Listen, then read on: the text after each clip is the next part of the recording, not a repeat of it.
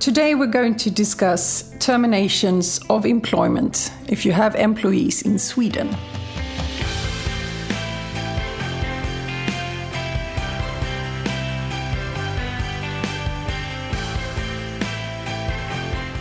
Vinge handles the full range of employment and labor law matters.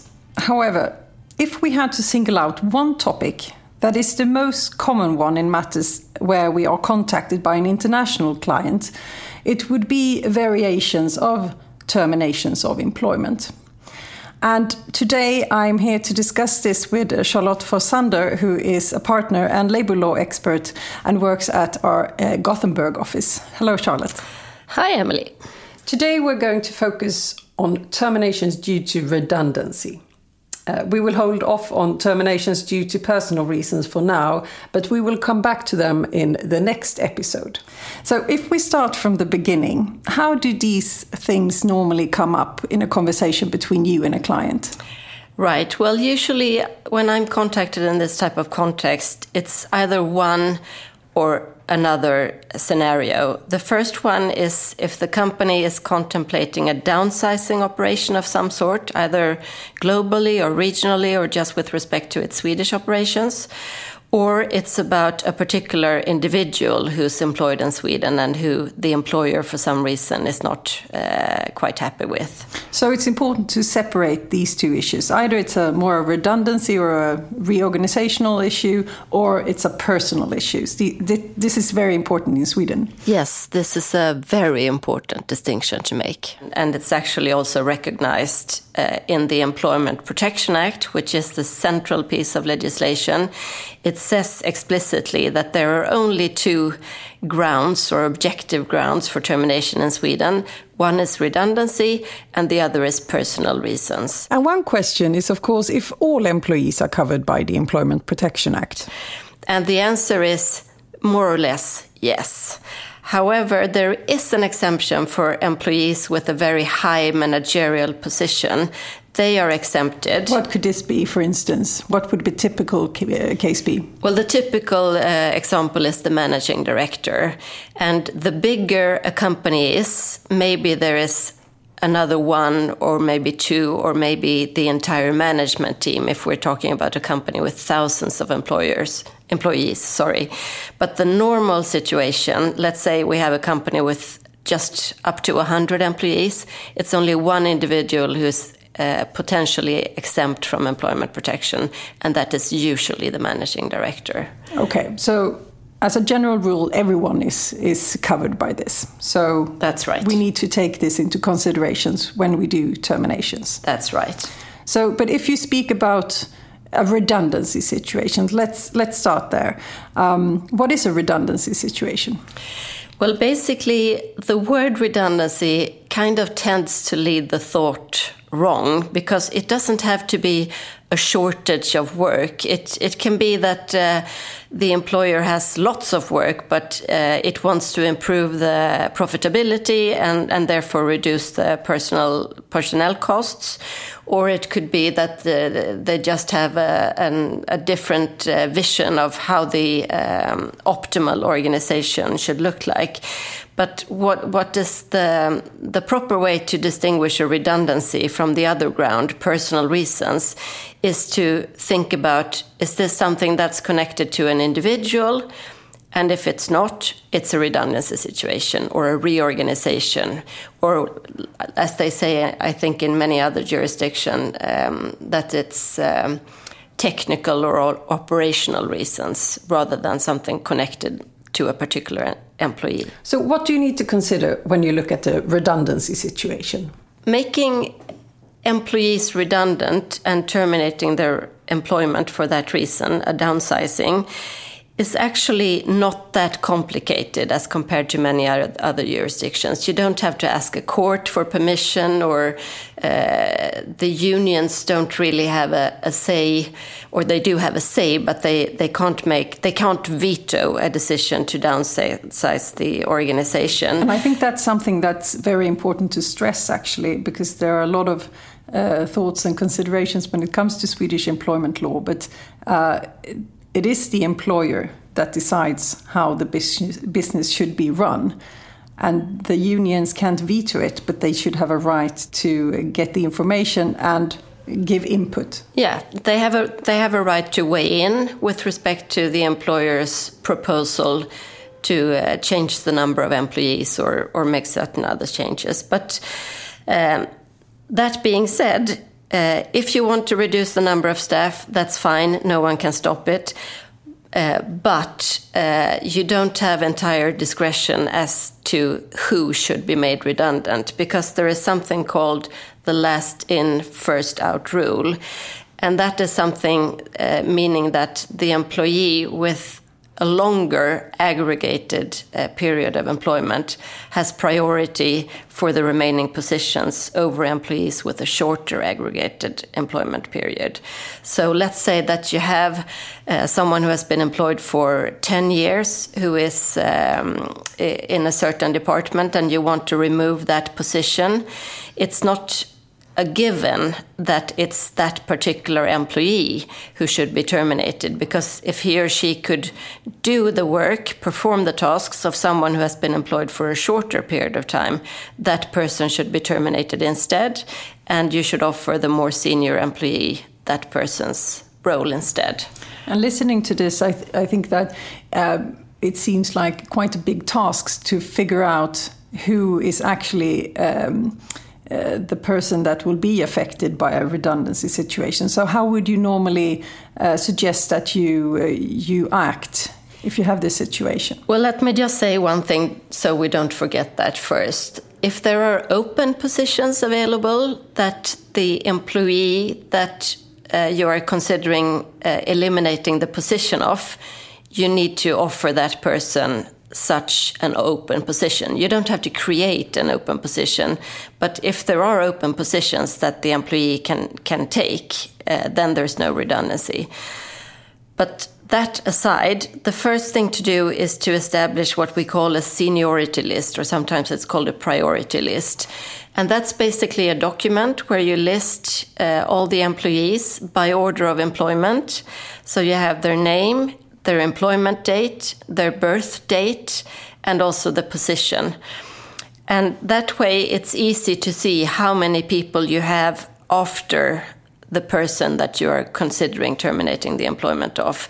And it's easy to see will this be a problem or not? And how do we have to argue in order to uh, to get the organization and the, the, the population of the organization that we are looking for. So it's still quite a big task to to look at this, uh, and I know that we normally recommend to do this in in due time, good time before you actually commence any proceedings with with unions or contact any employees, so that you have a good overview, uh, because. If you remove one position in the middle of the, the list of priority, for instance, uh, and you offer a position lower uh, down in the priority list, what happens then if they accept? What happens with the person who has the position that the more senior employee accepts? Well, then that person becomes at risk, so to speak, and you will have to look at the positions that are lower than or have a shorter employment period than that individual and figure out are there any other positions that this person uh, have uh, the necessary skills and qualifications to to take the role. So you do it all over again until you reach the bottom of bottom of the, the list of priority. Then, right? Yeah. At least in theory, that's how it's done. In reality, though, uh, sometimes uh, the individual, let's say we have this uh, senior employee that we talked about uh, at the beginning, that has been employed for 10, 10 years. And you say, well, she can do the work of someone who has been here four years, but it's at lower pay and it's maybe not as challenging or, or interesting uh, work duties. If you offer that job to to the senior employee. Maybe she says, Well, I'll take it if the alternative is being terminated. But maybe she'll also say that, you know, if you're willing to pay me some extra compensation, then I might consider um, parting ways on mutually agreed terms. Okay, so it's not always it doesn't always happen in the strict legal uh, legal uh, structure then. But you said an important thing here is it was that if they turned the position down, they could be terminated. Yes, if you give someone an offer which they reasonably should accept uh, and they turn that down, then you have automatic objective grounds for termination. So uh, let's say that we've done all this and we have realized who is the person uh, that will in fact be terminated. Are there any formalities in regards to the actual termination that you need to, to take into considerations? Uh, certainly there is. Um, and uh, well, I'm assuming that up until now we have just had the strategy discussion internally at the employer side. The next step is to figure out do we have to consult with the trade union? And if the company is a member or, or bound by a collective agreement, uh, the answer is always yes. If the company is not bound by a collective agreement, you have to ask the employee in question, the employee who's at risk, if they are a member of a trade union. And if so, you have to call for consultations with that trade union before you make the decision to carry on with the reorganization. And just to be clear, if there are several uh, employees that are affected by the redundancy and they are members of different unions, uh, who do you consult with? If you're bound by a collective agreement, you only uh, consult with your uh, trade union that's also party to the same agreement. But if not, you have to consult with all trade unions that have members in the workplace among the implicated individuals. So that could be quite time consuming then? It could be, yeah. So, in due time, then? in due time. I mean, uh, I would say, as a rule of thumb, uh, within two weeks of sending the request for consultation, it should be possible to arrange for a consultation meeting. And, and usually, if it's not a, a huge reorganization operation, you can handle it in, in one sitting and then follow up by email or phone, or maybe two. So once you have the meeting, it, it shouldn't be too time consuming. But the, the union people are busy, so it's, it's sometimes hard to to um, set up a meeting. If it is a clear redundancy situation and you intend to follow the last in, first out principle, the termination process is pretty straightforward in Sweden. But if you, the setup is not so clear, or you intend to sidestep the first in, last out principle, how would you suggest that you proceed in such a situation? Well, as an employer, uh, if I find that there is a risk that the employee will challenge the termination in court and say this is a breach of the priority rules and I want to ask for damages, uh, I would uh, probably try to get a termination agreement in place instead. Uh, which means that you would typically offer the employee something in addition to what they would otherwise be entitled to. Maybe you offer them um, not having to work during the notice period. Maybe you feel that you want to throw in a month or, or, or several months of uh, severance pay, and then you have a full and final settlement clause.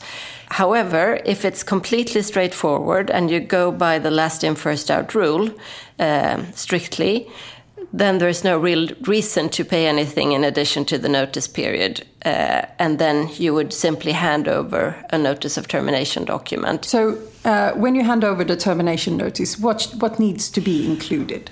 Well, it should be in writing uh, to start with, and uh, it should contain information about uh, what is the grounds for termination, in this case, redundancy.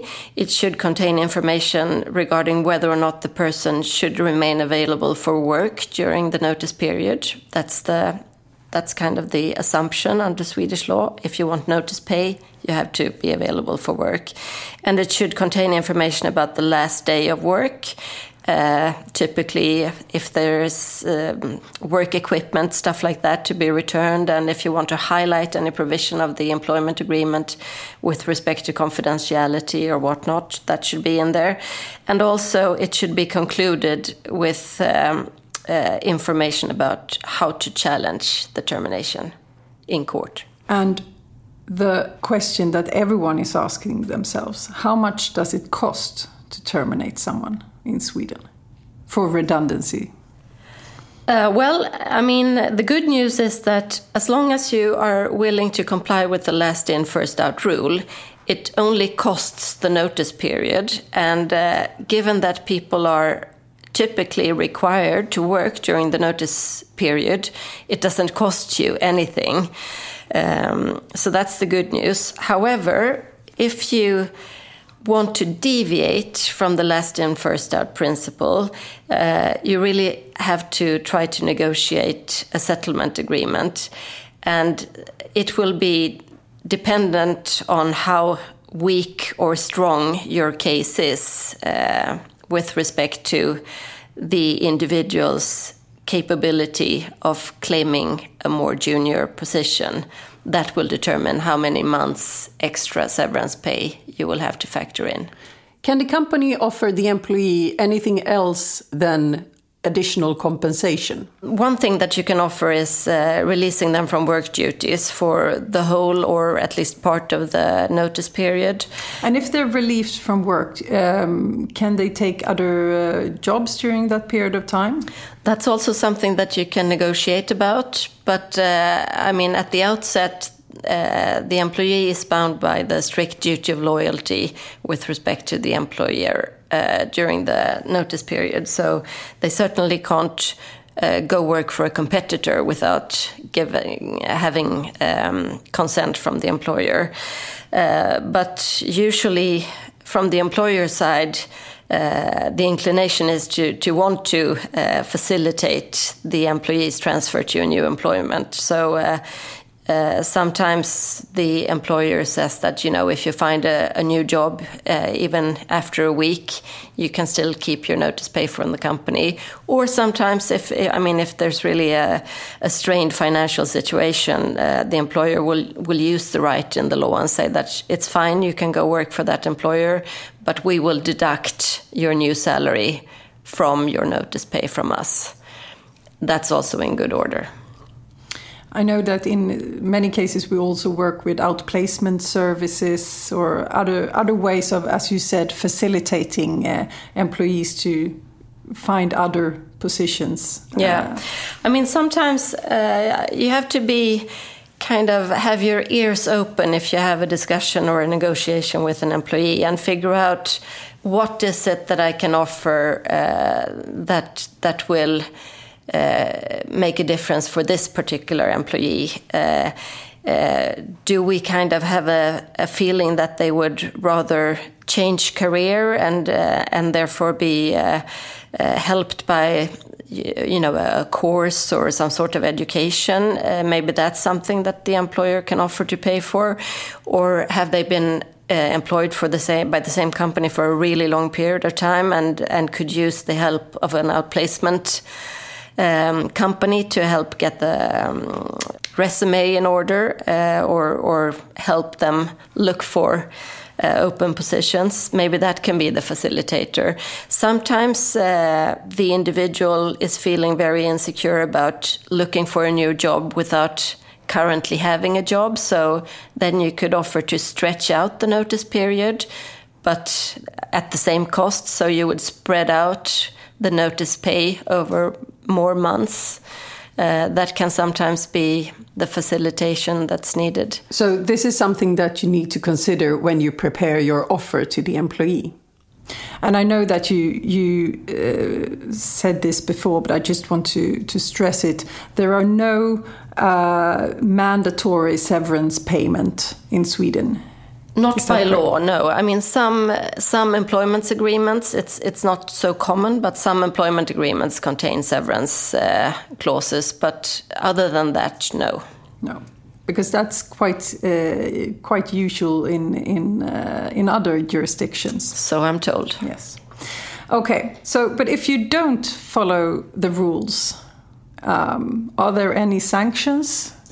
You can bet there are, of course. um, if you terminate someone for redundancy reasons in breach of the seniority rules, uh, the employee can go to court and claim damages for this breach, and they would be entitled to something that's called general damages. It's, it's almost comparable to punitive damages that you have in. Uh, in some other legal systems, and and that's kind of a, a slap on the wrist of the company for not uh, complying with the with the act, and that is usually it can be a, a pretty significant amount, maybe one hundred thousand uh, Swedish kroner or or even above.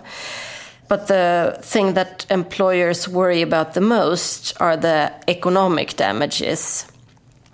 And those are tied to the length of employment. So if someone gets terminated uh, in breach of the priority rules and they have been employed for 10 or more years, if they are unable to find a new job, they are entitled to basically tap a, bag of money corresponding to 32, 32 monthly salaries. So it's it's not 32 monthly salaries going into their bank account, but if they uh, have the unfortune of staying unemployed for 32 months, then they can collect 32 months salary um, from the employer. And uh, if someone has been employed for uh, between five and 10 years at the time of termination, uh, that bag of money corresponds to 24 months.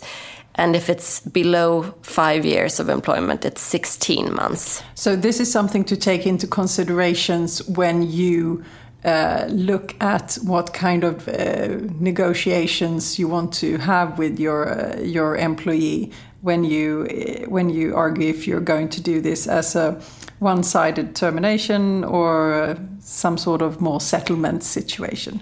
Right. I mean, uh, if if the company is really convinced that a certain uh, organization is uh, really important in order to uh, achieve the full value of the of the company, and that would mean terminating someone in breach of the uh, priority rules it's probably worth spending a few months extra in order to uh, uh, to make it a settlement agreement. Because if the employee uh, goes to court, um, it could become really expensive. And that is, of course, only the, the monetary damages we, we, the company will have, and the employee of, of course as well would of course have uh, it's time consuming and it's uh, it costs to hire lawyers or uh, we all know how much lawyers cost. Yeah exactly. That's right. And uh, generally if the employee is a member of a union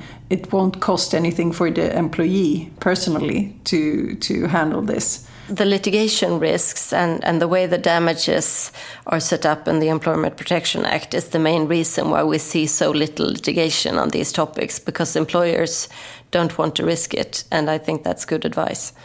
Can the employee claim uh, to have the position back if there was a wrongful termination? Well, they would then have to successfully argue that this is a fake redundancy situation. And uh, if the company is in reality eliminating a position and they won't hire someone back for that position, uh, that claim would be futile. So, a redundancy situation, the litigation risk is uh, only within quotation marks uh, economic. So, in conclusion, if you would like to offer uh, just some final thoughts of the most important things to consider if you have a redundancy situation, what would be your your three top best advice? So, first order of business, compile the priority list so that you figure out where uh, you have your legal risks in terms of achieving the organization that you're looking for. The second one is you need to understand that you have to be prepared sometimes to open the wallet and uh, reach a settlement agreement uh, in order to avoid litigation costs if you are looking for uh, an organization that is not 100% uh, compliant with the last in, first out rule. And the third is when you are entering into these types of negotiations with employees, uh, really look for the win win situation. How can you help your employee leave the company in a stronger position in terms of achieving their next career goal? So that's all we have time for today. Next time, we will follow up with the second part of terminations in Sweden, namely terminations due to personal reasons.